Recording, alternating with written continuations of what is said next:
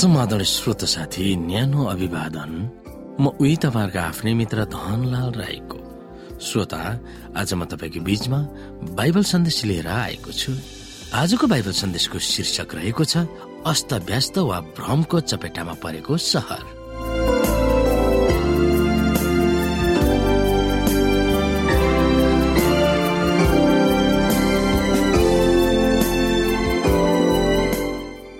श्रोत साथी यो अस्तव्यस्त वा भ्रमको चपेटामा परेको सहर भन्ने बाइबल सन्देशमा हामीले विशेष गरिकन अध्ययन गर्नुपर्ने बाइबलीय पदहरू रहेको छ।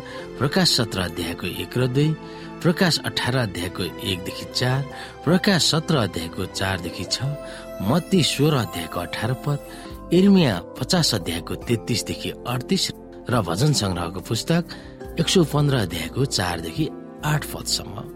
श्रोता साथी यस अध्यायमा हामीले सम्झाउनु पर्ने पद अथवा मेमोरी गर्नुपर्ने बाइबलीय भर्स रहेको छ प्रकाश सत्र अध्यायको चौध पद।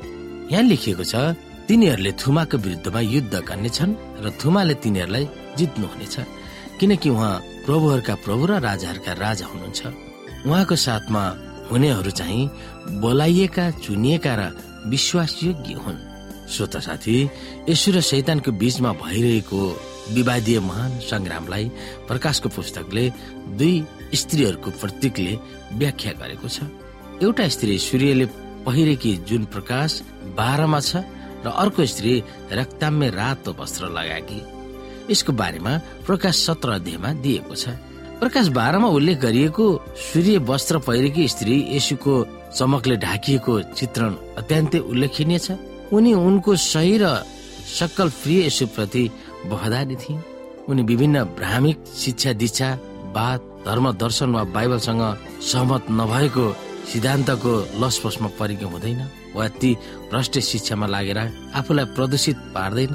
बाइबलभरि शुद्ध निर्मल र निश्चल स्त्रीको प्रतीक यसुकी दुलै भनेर लेखिएको छ। अर्थात् सत्य चौध जो परमेश्वरको वचनको मात्र सत्य निष्ठामा रहन्छ। सियोनकी छोरीहरू सुन्दर स्त्री भनेर अगमवक्ता इर्मियाले इर्मिया छ अध्यायको दुईमा खुलस्त पारेका छन्। सियोनकी स्त्री भनेर प्रयोग गर्दा परमेश्वरका जनहरू पतिव्रत स्त्री हुन् भनेर अगमवक्ताले प्रयोग गर्दछन्। यही विषय एफएसीको पुस्तक पाँच अध्यायको पच्चिसदेखि बत्तीस र होसे दुई अध्यायको बिचमा पनि हामी पाउन सक्छौँ। श्रोत साथी हामी यहाँनिर एफिसी पाँच अध्यायको पच्चिसदेखि बत्तीसलाई हेरौँ। यहाँ भनिएको छ पति हो आफ्ना पत्नीहरूलाई प्रेम गर। जसरी ख्रिस्टले पनि मण्डलीलाई प्रेम गर्नुभयो र त्यसको निम्ति आफूलाई अर्पण पनि गर्नुभयो। यस हेतुले कि उहाँले त्यसलाई पानीले धोएर वचनद्वारा पवित्र पार्न सकुन् र उहाँले दाग वा चाउरी नभएको अथवा यस्ता कुनै कुरा नभएको तेजस्वी मण्डली आफै कहाँ प्रस्तुत गर्न सकुन् र त्यो चाहिँ पवित्र निष्कोट होस्। त्यसरी नै पतिहरूले पनि आफ्ना पत्नीहरूलाई आफ्नै शरीरलाई प्रेम गर्नुपर्छ। आफ्नी पत्नीलाई प्रेम गर्नेले आफैलाई प्रेम गर्दछ। किनकि कुनै मानिसले कहिले आफ्नो शरीरलाई घृणा गर्दैन तर त्यसको कदर गरेर पालन पोषण गर्दछ।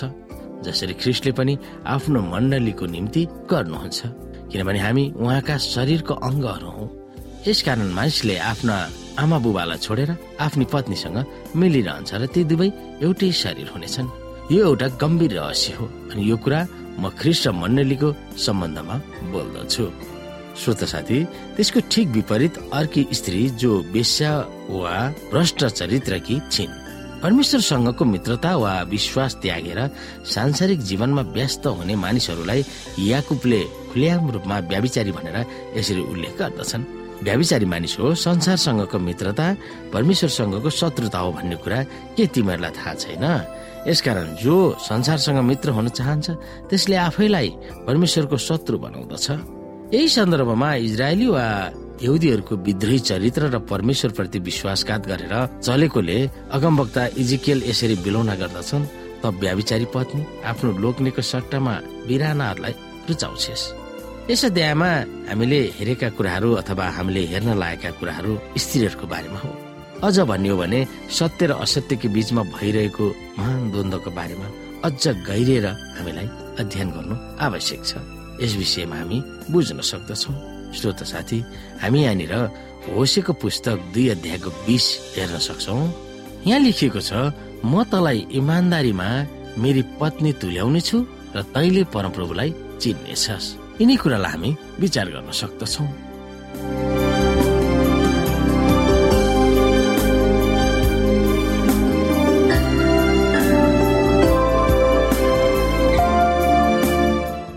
श्रोता आजको लागि बाइबल सन्देश यति नै।